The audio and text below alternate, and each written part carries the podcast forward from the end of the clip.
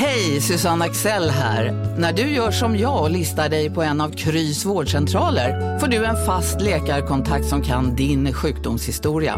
Du får träffa erfarna specialister, tillgång till lättakuten och så kan du chatta med vårdpersonalen. Så gör ditt viktigaste val idag, listar dig hos Kry.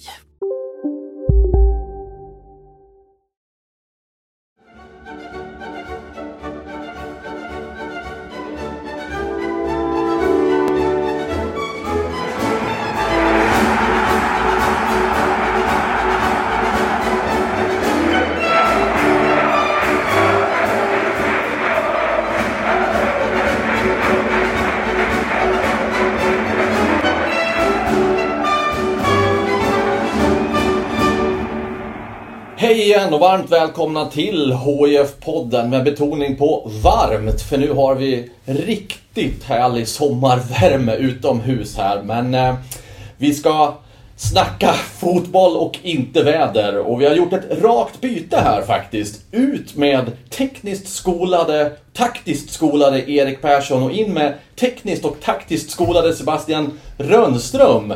Erik Persson har semester och, och Sebbe är inne och jobbar med oss. Och så har vi den alltid stabile innermittfältaren Marian Svab och så virrpannan, flaxige Mattias Hjelm som vill ha en fri roll och vara lite överallt som programledare. Vad va känner ni om den beskrivningen? Är det?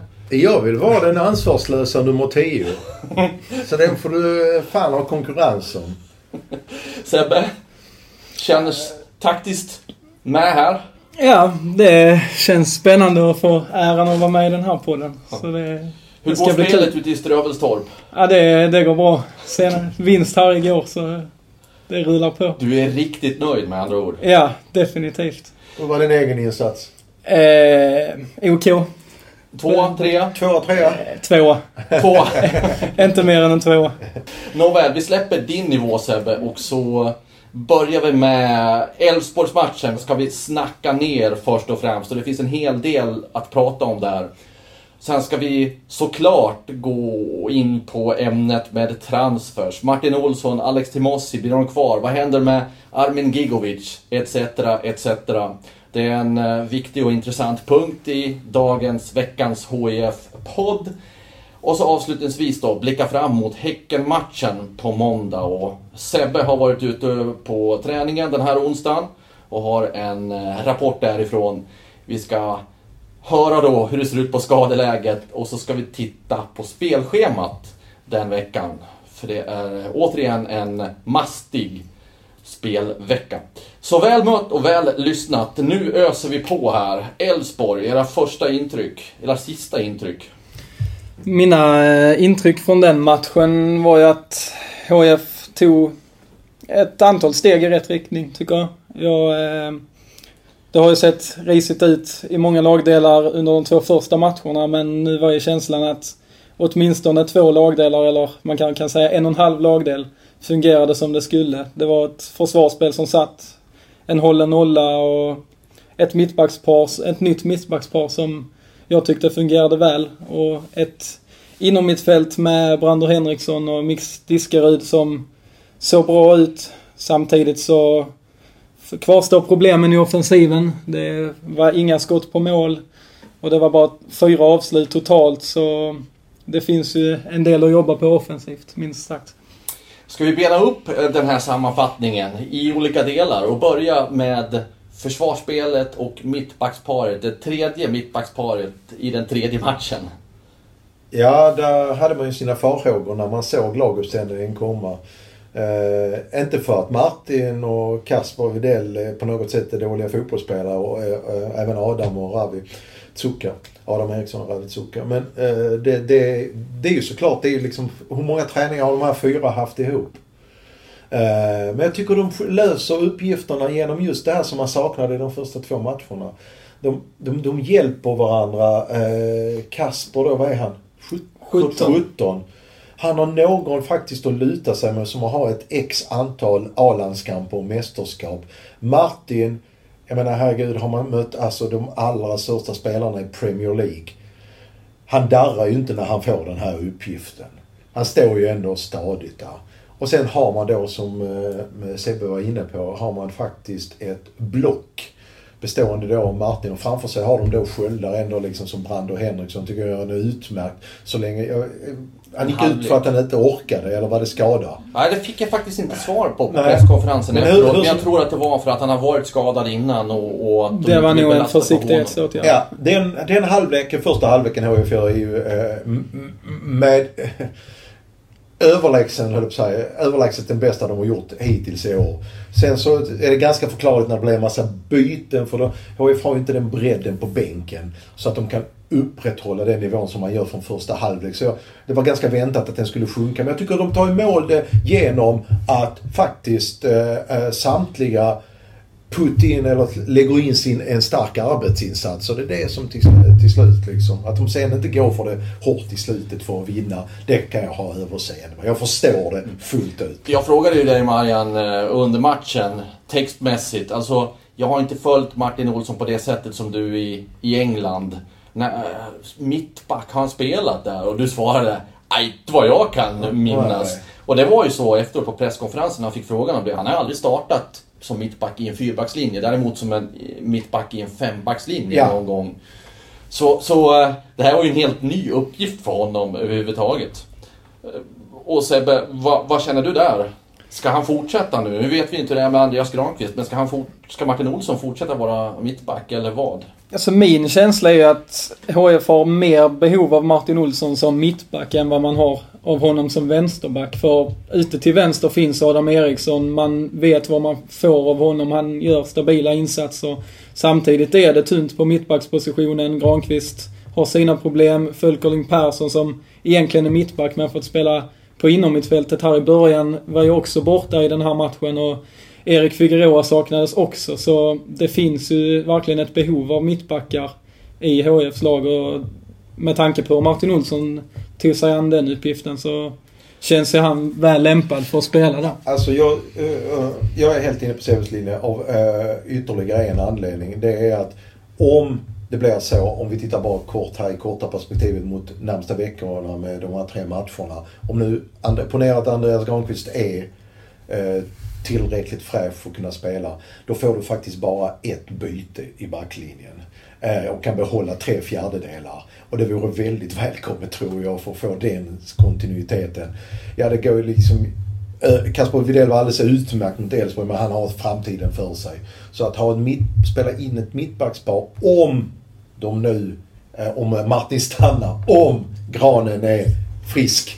Så är det ju, ser jag att det kan bli ett ganska bra mittback där, ett mittlås. Och så har de då eh, Adam eh, pålitlig ute till vänster. Och Ravi överraskade mig i den här allsvenska debuten, den Ravit Zucker. Uh, lever mycket på sin fart och speed. Vilket eh, ibland hamnar han fel, men han kompenserar det, redar, eh, redar upp det genom att vara så pass snabbt tillbaka i position. Så att, nej, men jag tycker man ska inte ändra så himla mycket. Så Martin, jag med Sebbe, behåll Martin där. Men Martin Olsson, han är ju inte den längste spelaren i Allsvenskan. Har han längden för att spela mittback när det då kommer duktiga huvudspelare som motståndare framöver? Det är ju svårt att svara på nu men alltså jag tyckte han klarade positionen väldigt bra mot Elfsborg. Och sen så är det ju så här att har man då en mittback bredvid Martin Olsson som kanske är mer fysiskt än Andreas Granqvist till exempel. Eller Kasper Widell som också är stor och stark så kan det ju snarare bli att man kompletterar det mittbacksparet väldigt bra. Men Martin Olsson han har ju sin snabbhet, han har rutinen, han har en bra passningsfot så jag tror inte att det blir några större problem faktiskt. Han sa... Du, Korta, korta mittbackar har vi haft gott om i historien som både har blivit världsmästare och alltså att längden på en mittback, det där att vi ska ha, alltid ska ha fyrtorn i Sverige och så. Det, eh, jag menar, ska, ska, eh, ska vi vara riktigt ärliga liksom, ha, liksom så, så, så kompletterar de väl ganska bra varandra va? Martin som, och framförallt så har de bra passningsfötter om nu Granen och Martin blir det. De har en vänsterfot, en uppspelsfot och en högerfot. Och båda två är ju duktiga passningsspelare. Om ni tittade på Martin nu. Det var eh, eh, rätt många de här långa bollarna som satt precis på foten. Eh, serven. Eh, jag, jag, jag, tyckte om, jag, så, jag tyckte om det jag såg. Sen får vi se om han stannar. Ja, det får vi göra. Vi kommer, kommer till den punkten om en liten stund. Eh, Martin Olsson sa ju själv efter matchen också att det, det är lättare att gå in förstå mig rätt här nu så att ni förstår honom rätt. Det är lättare att gå in eh, som mittback utifrån en konditionsaspekt än som vänsterback utifrån den spelartyp som Martin Olsson är. För som vänsterback så då springer han upp och ner och upp och ner och upp och ner. Medan då han kunde välja lägen på ett annat sätt och inte behövde springa upp lika mycket eh, som mittback. Dessutom så hade ju HIF ändå något slags försvarsprio efter de två hemska förlusterna 0-3 mot Varberg och 0-4 mot, mot Kalmar. Så just att han inte är tillbaka i 100% fysisk form än Martin talar väl för en fortsättning. Ja, jag fattar. Men det är den här positionen han klarar 90 minuter ju trots allt. Mm, precis. Uh, det kan han kanske inte gjort som vänsterback. Förmodligen inte. Nej.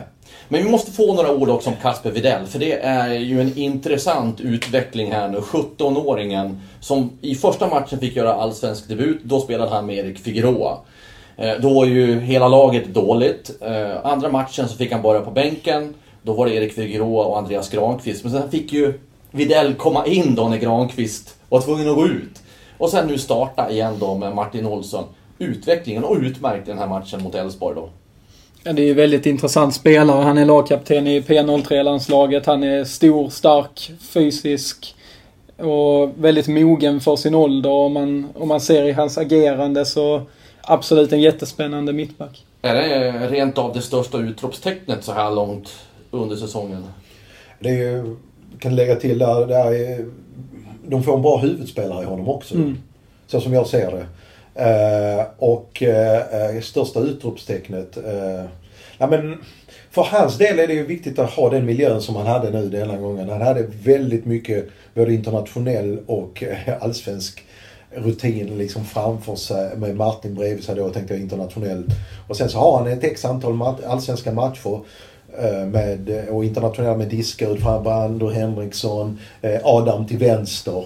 Så det är mycket tryggare med den här, och Lindegard bakom sig så givetvis då också. Så det är klart att det är en trygg miljö för honom. Det största utropstecknet, det är svårt att tala om utropstecken efter en Nej. poäng och 0-7 efter tre omgångar. Det, det är så långt. Nej, det känns kanske lite fel. Jag passar lite grann ja. på den. Några matcher till vill jag nog säga innan jag börjar prata om utropstecken ja. i den här truppen. Om vi flyttar framåt ett steg då. Så gjorde ju Brandur Henriksson allsvensk debut efter att ha varit skadad och det blev skillnad för HIF när han faktiskt var med. Ja, absolut. Man såg att det var en spelare som kom in och tog för sig på innermittfältet och täckte ytor, vann dueller fördela spelet och man fick även se hans skott som det har pratats väldigt mycket om. Så det är en spelare som HF kommer ha stor nytta av och som verkligen har saknats i de två första matcherna. Och det var ju faktiskt hans skott som var det farligaste HIF hade i första Precis. halvlek. En, en frispark där Martin Olsson fintade bort Elfsborgs försvaret och inte slog ett inlägg utan en, en passning inåt efter marken som eh, Brandur kunde skotta på. Ja, absolut. Det, man såg att det var en spelare som verkligen kommer kunna tillföra. Mix Diskerud gjorde sin första match från start och var bättre än vad han var när han kom in mot Kalmar. Ja, det, jag vet inte alls hur han är, eh, säga, i vilken fas han är vad det gäller matchträning, träning och... Men eh, av det, jag såg honom mot Elfsborg så eh, hamnade han rätt Eh, plockade upp bollar, fördelade, liksom spelade enkelt. Framförallt, det, det är det man har efterlyst lite grann i de, efter de första två matcherna. Att inte göra det. Våga spela kanske lite grann enkelt och inte, eh, eh, och, och, inte bara alibipassningar. Utan när de hittade ut på de här kanterna när Tsuka och Adam, ytterbackarna, tryckte upp ganska högt. Och då hittade de dem rätt ofta. Sen tycker jag det blir lite grann både brann, eller hela mittfältet, när väl HIF vid tillfällen faktiskt vann bollen och hade jättelägen för omställningar och trycka upp. Ungefär som man säger en handbollskontring, att man mm. trycker, trycket. tänker man, ja men nu är ni minst lika många, ibland en mer. Bara tryck upp, så var det alltid någon mittfältare som bromsade in, trampade upp boll. Men det kan ha att göra med att man befinner sig i den situationen man gör som HIF. Liksom. Men hade man haft två raka segrar i ryggen, då hade då bara folk dratt iväg och tryckt på i det läget. Men här vågar man inte riktigt, för det har ju inte klaffat offensivt heller ju. Och då vet man inte riktigt, hur ska jag göra? Var är de andra någonstans? Så blir det lite, lite grann tvekan och då hinner motståndarna ner och ställa upp, organisera sig. Du närmar dig det området och det måste vi prata om nu, anfallsspelet. 0-7 på tre matcher. Inte ett enda mål alltså så här långt för HIF. Och Inget avslut på mål de senaste två matcherna. för att vara, precis, för att verkligen vara krasst på det så eh, skapar de ju väldigt lite för att det ska kunna bli mål också. Vad, vad är problemet? Jag pratade lite med Max Svensson inför matchen mot, eh, mot Elfsborg här i söndags och då sa eh, han att mycket av ansvaret ligger på spelarna själva individuellt. Att man måste ta ansvar själv, söka upp sig, visa sig för sina medspelare och bli spelbara för att på så sätt komma fram till lägen. Men det kändes ju inte riktigt som att det klaffade mot Elfsborg heller. Faktum är att det var ju ännu mindre avslut mot Elfsborg än vad det var i de två första matcherna. Så visst, kanske mer fokus på försvarsspelet. Och det är satt förvisso, men det är ju helt klart oroande att det ser ut som det gör offensivt. Och just Max Svensson blev ju HIFs bästa målskytt i fjol med sju mål. Och bästa poängplockare då eftersom han hade tre assister också. Han gjorde mål först i fjärde omgången borta mot IFK Göteborg på stopptid och nu närmar vi oss fjärde omgången så än finns ju tid för honom att komma igång men... Vi spelar Göteborg igen. Ja just det, fast mot Häcken då. Häcken, precis. Men, men Rasmus Jönsson har ju fått spela alla tre matcher här från start. Men det händer ju ingenting där så här långt. Vad är det som eh, går snett där?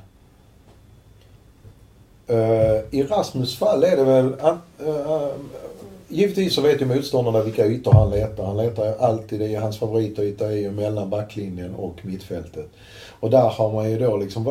Men då tycker man att där borde ju finnas eh, eh, fler verktyg i eh, lådan än om man inte får de här ytorna.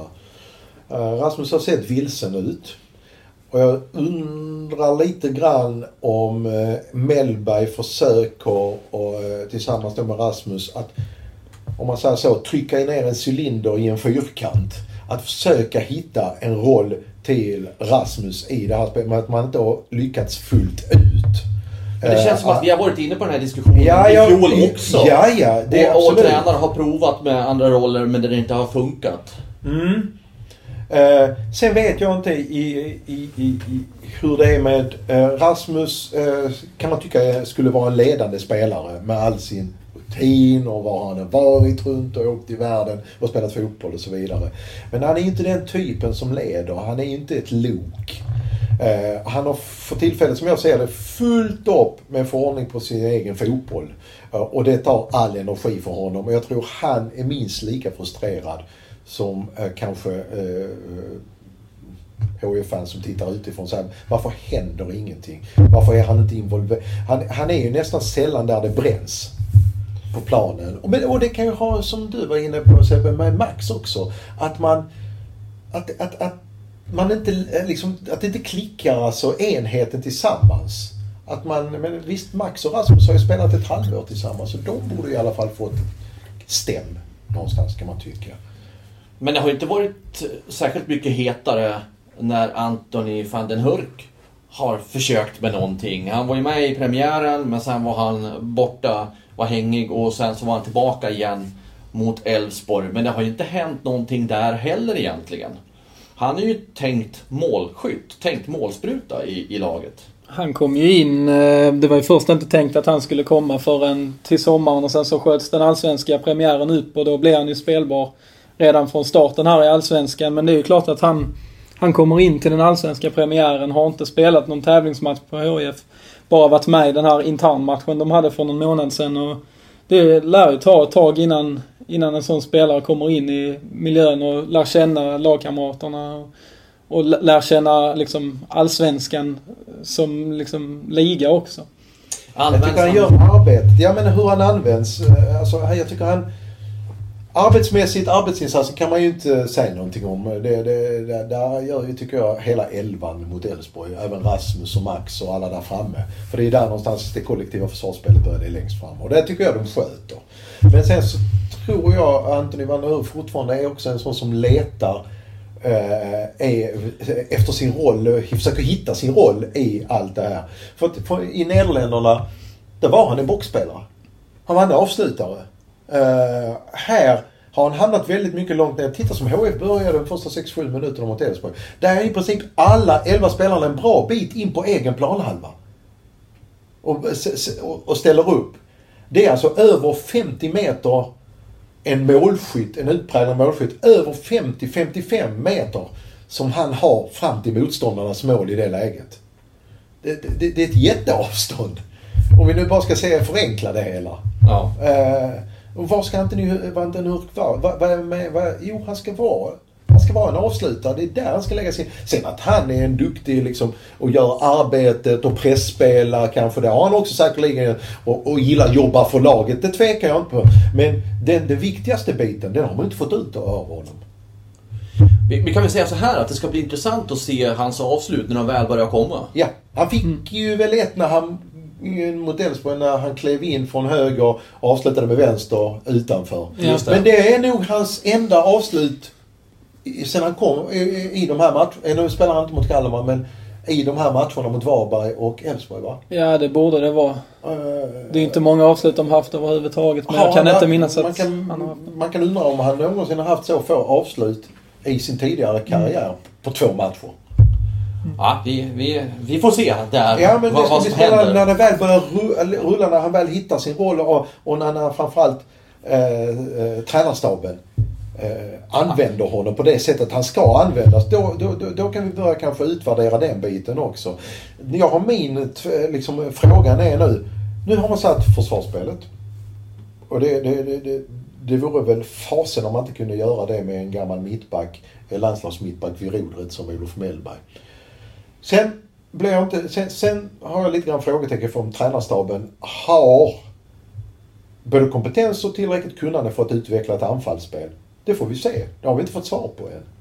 Finns de? Eh, jag, jag kan inte alla de här, vilka deras specialkompetenser är som Olof. Det kanske inte är Olof som ska utveckla, men det kan han kanske hämtat in de som ska utveckla anfallsspelet. Vem är det i så fall? En fråga att ta med sig. Absolut, alltså saken är klar att det är ju spelare som Max Svensson och Rasmus Jönsson. Det är ju spelare som bevisligen presterat på hög allsvensk nivå innan. Kvaliteten finns där. Man, det gäller bara att få ut rätt av spelarna. Och det är klart att för varje match som går och för varje minut som går utan att det där första målet kommer så kan det ju växa, växa i huvudena också på spelarna att eh, vad är det här? Varför gör vi inga mål? Antar jag. Vi, vi släpper matchen hur den var i sig. Vi, vi går vidare till vad som hände efter matchen. För Olof Mellberg, eh, efter att ha pratat om matchen och berömt mittbackarna, så hade han ju ett slags utspel där han eh, var milt uttryckt besviken på svensk elitfotboll, elitfotbolls, SEF då, klubbarnas intresseorganisation, elitklubbarnas intresseorganisation. Vi tar och börjar med att lyssna på vad han faktiskt sa på presskonferensen. Det är helt bedrövligt. Jag vet inte, de har inte tänkt eh, överhuvudtaget förmodligen. Det är en katastrof är det. Idag fick vi en dag och det tyckte jag man såg också. Det är klart att vi tröttnar när det här har en dag Eh, mer vila än vi. Nu, samma mot Kalmar. Fick en dag mindre vila. Nu satte de schemat igen. Vi fick exakt likadant igen. Så vi spelar eh, eh ja, vi spelar Häcken då efter nu är det en vecka. Så, sen har vi, spelar vi Häcken och sen möter vi eh, eh, Mjällby med en dag mindre vila. Mjällby spelar på söndag. Eh, och det blir torsdagsmatch. Sen möter vi Djurgården. En dag mindre vila igen. Så alltså det är parodi hur de har hanterat allt det här egentligen. Eh, SEF det är hela hanterandet eh, av eh, i den här coronakrisen. Eh, så har det sportsliga bortprioriterats, eh, fansen har bortprioriterats. Eh, medan eh, det har varit mycket fokus på, på, på TV-pengar. Har du att fansen har bortprioriterats? Ja, man, jag tycker att man kunde... Eh, eh, det, det, jag tror både klubbar och fans var otroligt välvilligt inställda till att göra ett försök. Då hade man till exempel kunnat tillåta träningsmatcher då. Men istället hade man ingen framförhållning. Man satt och väntade på beslut bara som alla människor fick exakt samtidigt och då blev det panik. Hade man förberett sig lite på det så kanske man hade kunnat förberett sig. Eh, fått in ett par eh, träningsmatcher där man kunde kunnat testa kanske lite med publik. Eh, eh, i, I liten utsträckning. Klubbarna ville det, fansen ville det. Och hade inte det funkat, eh, strunta i det då i sådana fall. Och det är klart, vi som inte har spelat tävlingsmatch sen, eh, sen förra året, vi fick inte en, en, en träningsmatch. Eh, andra lag har haft kuppen. Det är väl såklart vårat fel från förra året att vi inte kvalificerade oss för kuppen. Men eh, det gör också att eh, eh, ja, de här matcherna för vi, vi har varit långt efter. Eh, inte bara beroende på skadorna. Och när ni hörde det här, när ni läste det här framför allt. Vad tänkte ni? Ja, alltså framförallt så jag kan jag hålla med honom i hans frustration över det här han säger att eh, att de får en match, eh, eller en dags mindre vila än motståndarna. Det är klart det påverkar väldigt mycket och särskilt för HF som ju har en väldigt skadeskjuten trupp. Men samtidigt så är det ju svårt för förbundet att få ihop ett spelschema som kan passa alla. Och eh, ja, det kan ju bli längre fram att det drabbar andra motståndare eh, negativt liksom. Att de Vi är specialister på det vi gör, precis som du. Därför försäkrar vi på Swedea bara småföretag, som ditt. För oss är små företag alltid större än stora och vår företagsförsäkring anpassar sig helt efter firmans förutsättningar. Gå in på swedea.se företag och jämför själv.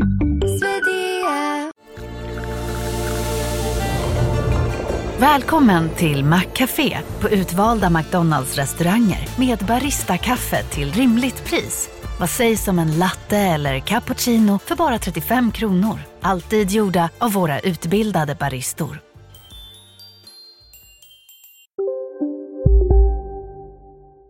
Hamnar i samma situation så att säga. Så det är svårt att dra några tydliga växlar av det men självklart kommer det ju, påverkar det ju när man inte har spelat tävlingsmatcher på lång tid. Och att man då får lite mindre vila än sina motståndare och då har spelare som inte är i fullt full matchform och då även många skador.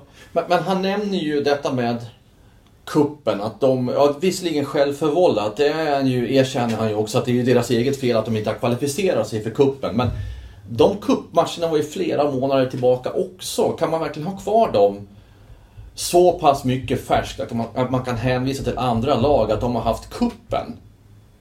Ja, alltså det känns ju lite märkligt. Alltså HF har ju kunnat spela träningsmatcher under den perioden som de andra lagen spelade kuppen och i och med att det är flera månader sedan kuppen spelades och den här tävlingsinstinkten som man kanske då har saknat, den har ju de andra lagen hunnit tappa under den här perioden också som inte de har fått fortsätta spela matcher.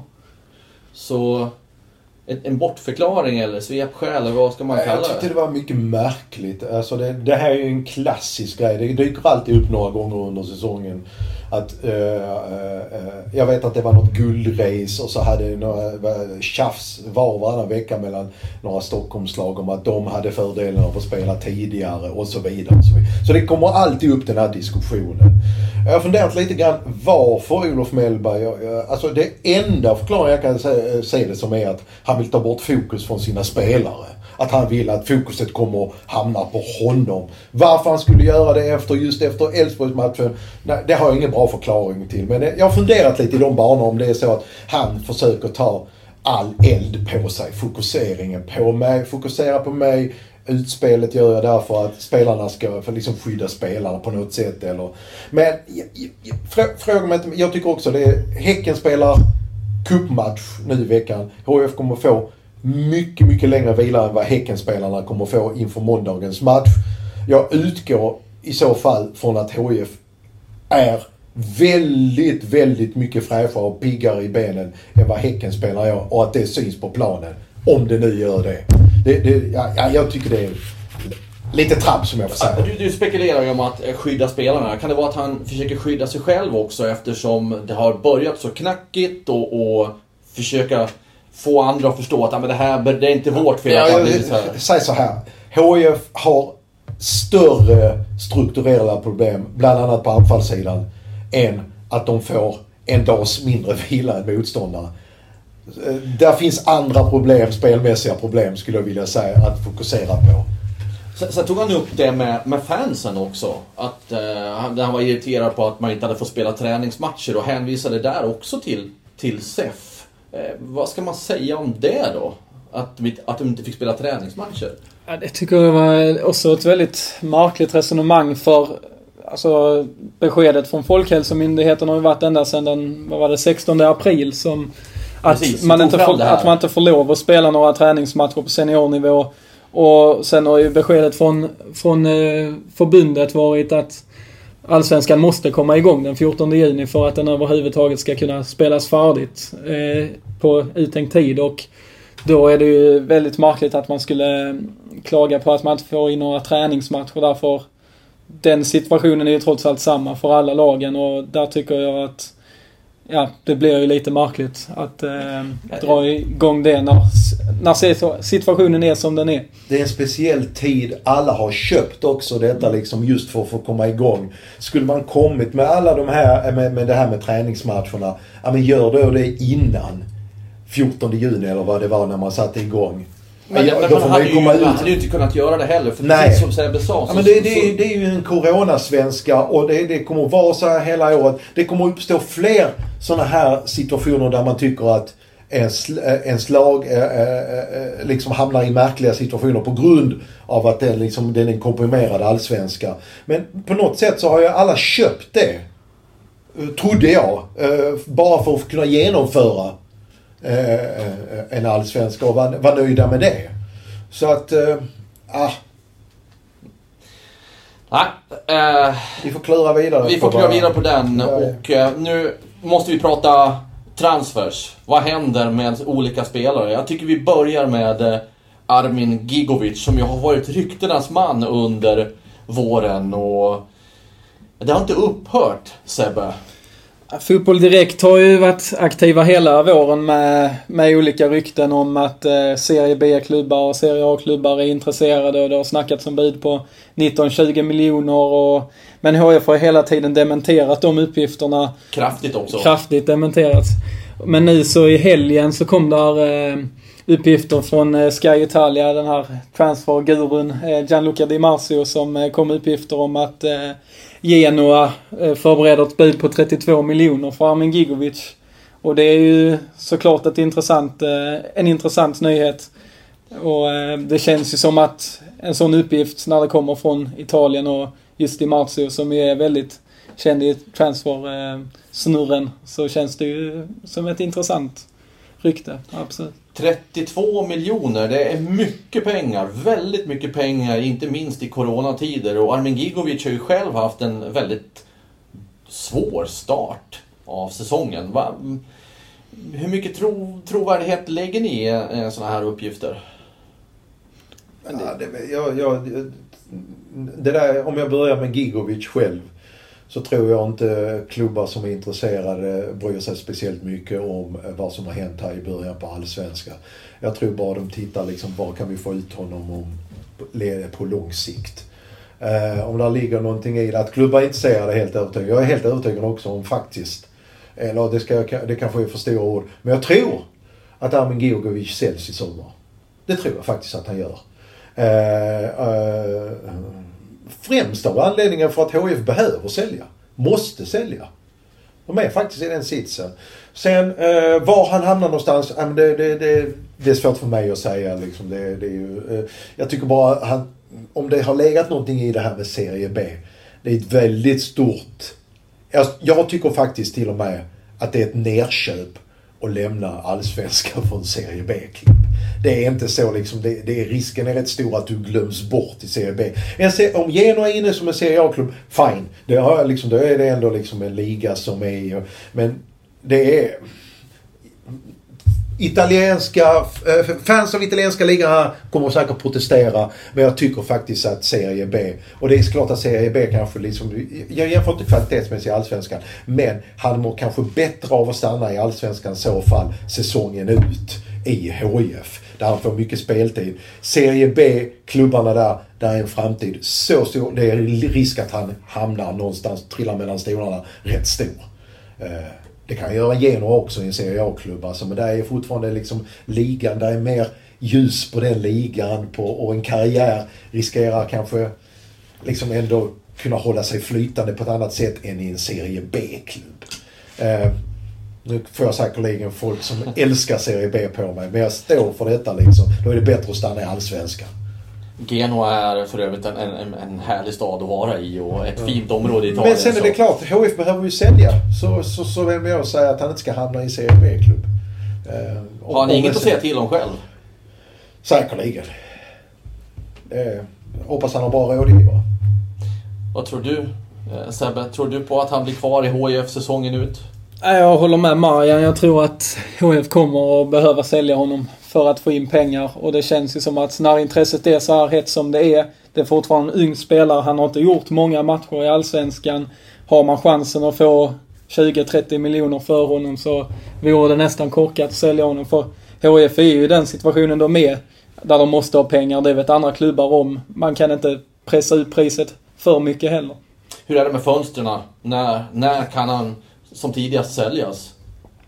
Ja, det är väl lite oklart hur det blir med de här fönstren. De har ju haft sånt här Uefa-möte och snackat om... Men det jag har läst är väl att det ska vara den 7 september eller något sånt tror jag som det internationella fönstret ska dra igång. När ligorna är avslutade och, eh, och Champions League också är avslutad. Men jag är inte helt säker så... Men klubbarna vill väl ha spelarna där lite tidigare kanske? Ja, det är mycket... Ja, vi vet ju inte när försäsongerna sätter igång Nej, heller. det är det som något är väldigt oklart. det har väl varit olika bud där. Ja, men jag- som sagt var. Eh, det är, anledningen till att jag tror att han lämnar är för att eh, HIF behöver helt enkelt eh, pengarna i detta läget. Det är ju minst, minst 17 miljoner back. Och det är räknat på sju hemmamatcher utan publik. Sen är det tanken att publiken ska släppas på i den här kalkylen. Och gör den inte det, det är alltså ett minimum 17 miljoner back. Då förstår alla att det finns hål att täppa igen. Det sura är ju som sagt och det är ändå, och det är också dessutom ska jag kanske, vilka andra spelare i dagens HF-trupp eh, eh, är en eh, asset för HIF där man kan sälja? Vilka andra är säljbara spelare idag? Ja, Just nu känns det ju... För annat än kaffepengar. Känns det ju inte riktigt som det. Max Svensson har ju potentialen att längre fram bli det men det har ju inte snackats något direkt om honom och det är nog inte några större summor i Nej. så fall Så det är Gigovic. just nu. Absolut. Ja, som ja, kan det är, rädda HFs ja, ekonomi. på någon något annan ser jag inte för tillfället. Nej. Eh, Martin Olsson har vi pratat en hel del om hans insats här i senaste matchen. Han är också föremål för ett kontrakt som går ut dagen efter matchen borta mot Häcken på måndag, det vill säga det går ut på tisdag. Samma sak gäller ju låneavtalet med Bayern München som HIF har angående Alex Timossi. Och eh, HIFs chefscout Adil Kisil menar ju att HIF vill ha kvar båda två. Och vi har varit inne på ekonomin också. Vad tror ni där då?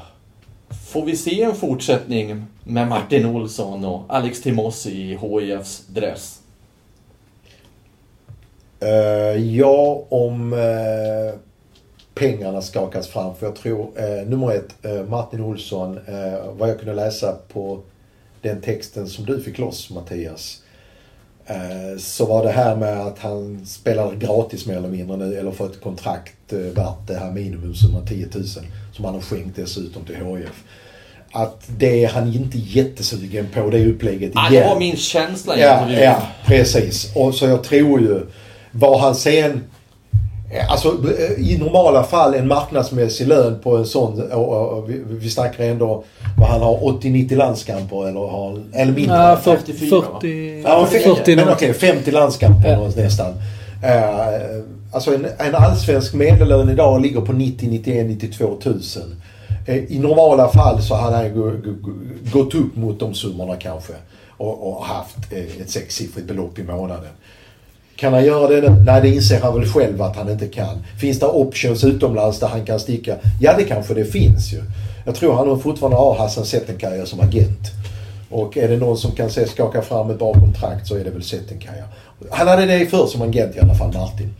Eh, men det, det, det är klart att HF måste öppna plånboken. Och vilken plånbok då? Precis. Och utan att det sticker dessutom i ögonen på kanske, eller för liksom kommunen börja höja på ögonbrynen och alla andra. När man dessutom tar en mix eh, Diskerud.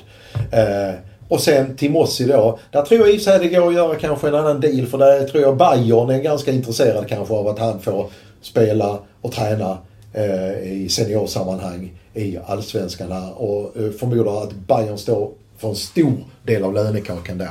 Så jag tror i dagsläget skulle man nog kunna säga att jag är nog mer säker på att Timossi stannar kvar än att Martin blir kvar efter måndagen. Därmed också sagt, jag garderar mig lite grann nu här liksom att Eh, om HIF givetvis kan skaka fram externa pengar någonstans eh, för ett Martin Olsson-kontrakt resten av säsongen. Ja, då kanske. För han måste ha matcher. Han siktar på EM nästa år. Ja, han måste spela fotboll. Som han inte har gjort på superlänge fram tills nu. Mm. Alex Tibossi, nu har inte vi pratat med honom eh, på senare tid. Tidigare var han öppen för att stanna kvar i HIF, men nu är serien igång då. Och han har inte fått starta någon match. Han har fått göra ungefär en halvtimme i respektive match, i tre matcher. Ja, frågan är om han själv vill fortfarande eller om han känner att han har fått för lite tid och vill tillbaka till München. Det vet inte vi än. Jag tror att det finns mer tid för honom att kunna fatta det beslutet på. Alltså han, visst, det har inte varit de lättaste matcherna för honom att hoppa in i heller. Men hans ambition har ju sagt varit att, att få mycket speltid i HIF. Och sen... Så jag, jag, skulle tro att han är absolut öppen för att stanna säsongen ut. Och då finns det ju möjlighet att ha mer tålamod också. För att få mer speltid längre Jag tror inte han lider av situationen. Nej, det tror inte jag. Det, det, det, det, skulle, det är min... Utan att kunna se in i hans huvud alltså. Men jag tror att vad exakt blir bättre av att han åker ner till ungdomsakademin i Bayern eh, i detta läget. Eh, och vem vet, det kan ju vara så att han kanske får mer speltid nu också. Inte minst med tanke på att det har varit så svalt mm. Framåt. Även om det är en storklubb Bayern och det är ordning och reda och sånt. Så är det fortfarande så att ute i Europa det, är rätt mycket osäkerhet, oklarhet och ovissheter. Även i de största och mest organiserade klubbarna. Här vet han ändå vad han får dag för dag när han går till jobbet. Och det, det, skulle jag ju värdera ganska högt i detta läget. Så att i hans fall, jag är nog överens med det. Jag tror att Timossi stannar säsongen ut. Martin Olsson, ja. Den, den vågar jag mig inte på något. Finns pengarna? Ja. Ja, precis. Finns pengarna. Kommande vecka. HIF möter alltså Häcken borta eh, på måndagen. Sen har man Mjällby hemma på torsdagen och sen måndagen på Djurgården borta. Tre, tre matcher inom en vecka igen då. Innan vi tittar på det, eh, Sebbe, vad kunde du se från träningen den här onsdagen, två dagar efter matchen mot Elfsborg? Vilka var borta och vad gjorde de? De som var borta var Anders Lindegård, Granqvist, Jakob Fölkerling Persson och Erik Figueroa. Tre av dem saknades i matchen mot Elfsborg. Anders Lindegård hade ju känning att missa matchen mot Kalmar så det är möjligt att det är någon försiktighetsåtgärd där som gjorde att han inte var med på träningen idag. Men eh, sen så själva träningen gav väl inte jättemycket svar. Det var en del eh, passningsövningar, någon liten spelövning och så i slutet så var det åtta spelare som spelade fotbollstennis en, ett bra, en bra tid. Och sen eh, så resten körde lite, eh, lite spel på en mindre plan. Och då i slutet där så sprang Josef Ceesay och Brander Henriksson vid sidan av. Just det, för Josef Ceesay var ju, Ceesay var ju inte med mot Elfsborg heller. Nej, han eh, saknades ju i den matchen och eh, Brander Henriksson som vi har varit inne på spelade 45 minuter och är ju inte i, i full, fullt slag än men han lär ju uppenbarligen vara tillräckligt bra för att kunna spela matcher men inte för 90 minuter så det är möjligt att man sparar eller tar, tar det sakta men säkert med honom. Däremot så eh, lade jag märke till att Mohamed Abubakari var med och körde för fullt hela träningen. Han var med i den gruppen som spelar eh, på den här mindre planen i slutet också. Så han lär ju närma sig spel. Det kan vi nästan tolka in då. Att det är inte långt borta där. Nej, jag skulle tro det och det pratade ju Olof Mellberg om redan i, i söndags inför matchen mot eh, Elfsborg eh, att det var några, utan att nämna namn, så nämnde han att det var två, eller spelare på bra positioner som var på väg tillbaka. Och då var det ju mittfältet han pratade om och Brander Henriksson var ju tillbaka och då lär ju även Abubakari snart vara igång igen. Uh, nu när ni nämnde en massa namn, namedropping här, så slog det mig att det kan finnas ett antydan till ett utropstecken faktiskt här. Du frågade mig det innan. ja, visst. Men det var ju för tidigt. Ja, jag tycker uh, den som ändå kan gå ifrån de här tre matcherna faktiskt med högt huvud och säga, det är ändå Josef Ceesay kanske jag tycker ändå han har inte fallit ur ramen. Han har ändå hållit liksom, eh, eftersom han är ny också i klubben och eh, nej, men jag tycker ändå han har hållit någonting som kan kallas för en god allsvensk eh, klass. Och, Visst, han orsakade den här straffen, men, var, men det, eh, man undrar vad högerförsvaret var där. Han fick ta en jättelöpning. Men jag tycker ändå där, där, det, där kan nog HIF få ut rätt mycket av den här värvningen. Det var det. Nästa grej är då liksom att, ja nu börjar spelarna komma tillbaka. Vi har då liksom Brandon Henriksson som är på väg tillbaka och lite grann försiktighetsåtgärder. Vi har Abu Bakari. Det som jag är lite grann funderar kring är, och det ska bli spännande att se hur Mellberg funderar själv och kring att sätta upp laget, är att två av de här tre matcherna är på konstgräs.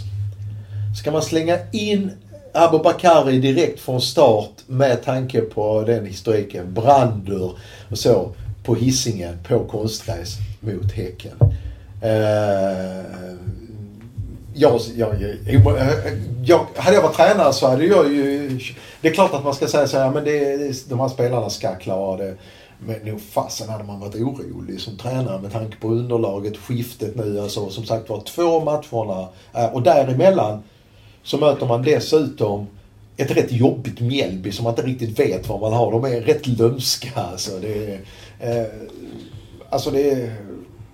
Det Just att det är konstgräs, konstgräs också mm. kanske talar för att eh, Andreas Granqvist vilas en match till. Mm. Det känns nog eh, inte helt orimligt, nej. Han eh, har ju haft en del problem där tidigare och med tanke på hur viktig han är för laget så har man ju inte råd med att han drar på sig något ännu värre och blir borta ännu längre. Häcken. Nu ska jag testa era kunskaper. För det här har jag lagt tid på nu. När, eller hur har det sett ut för HIF borta mot Häcken? Bara borta alltså mot Häcken. Har ni koll på det? Är det ett, ett lag man har lätt eller svårt för borta? Lätt eller svårt? Ja. Ja, det är ett mardrömsmotståndare på bortaplan. ja, det, det, det, det är jag, jag har varit på det. Jag har varit på hissingen så många gånger och i princip kunnat känna att skriva texterna klara innan match och sen så ska jag bara fylla i med citaten efteråt. Så många, så, alltså hårdraget men alltså det har varit nästan som att, jaha.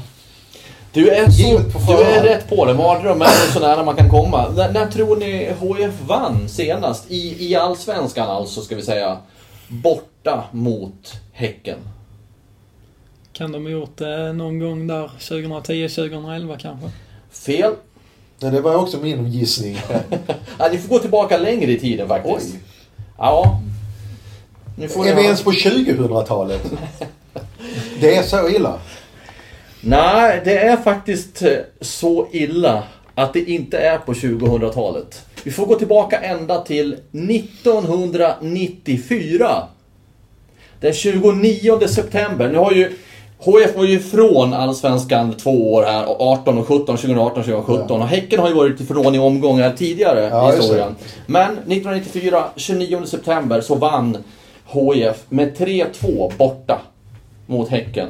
Och det var Patrik Andersson som kvitterade till 2-2 och också avgjorde med 2-3 målet då med, med HIFs siffror sist.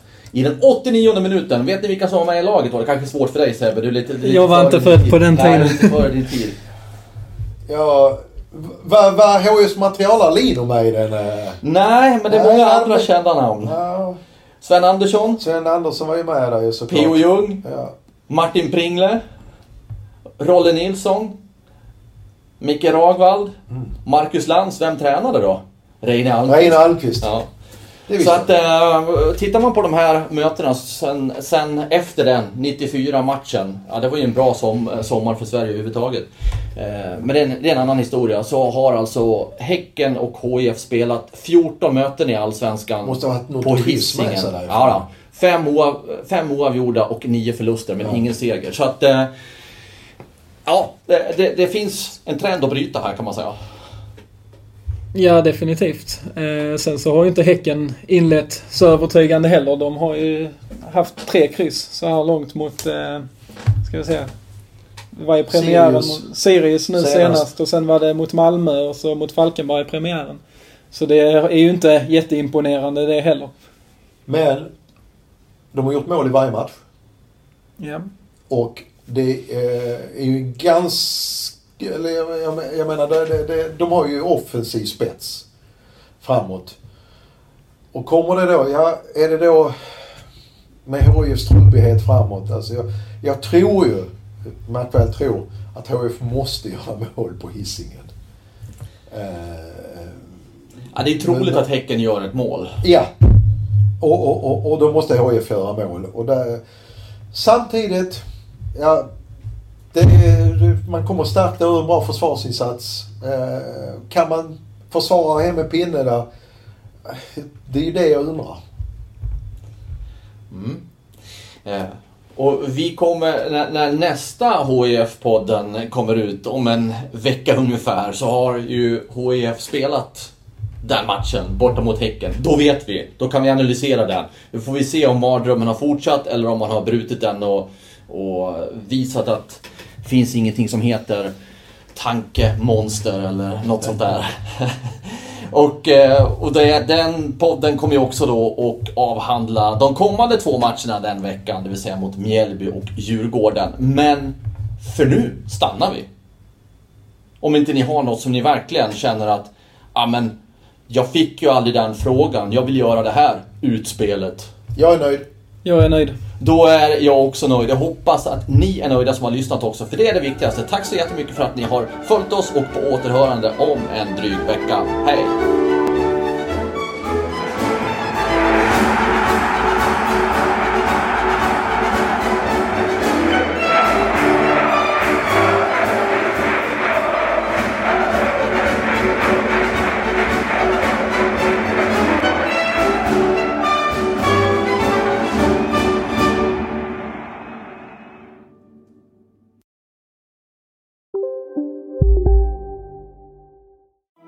Hej Sverige!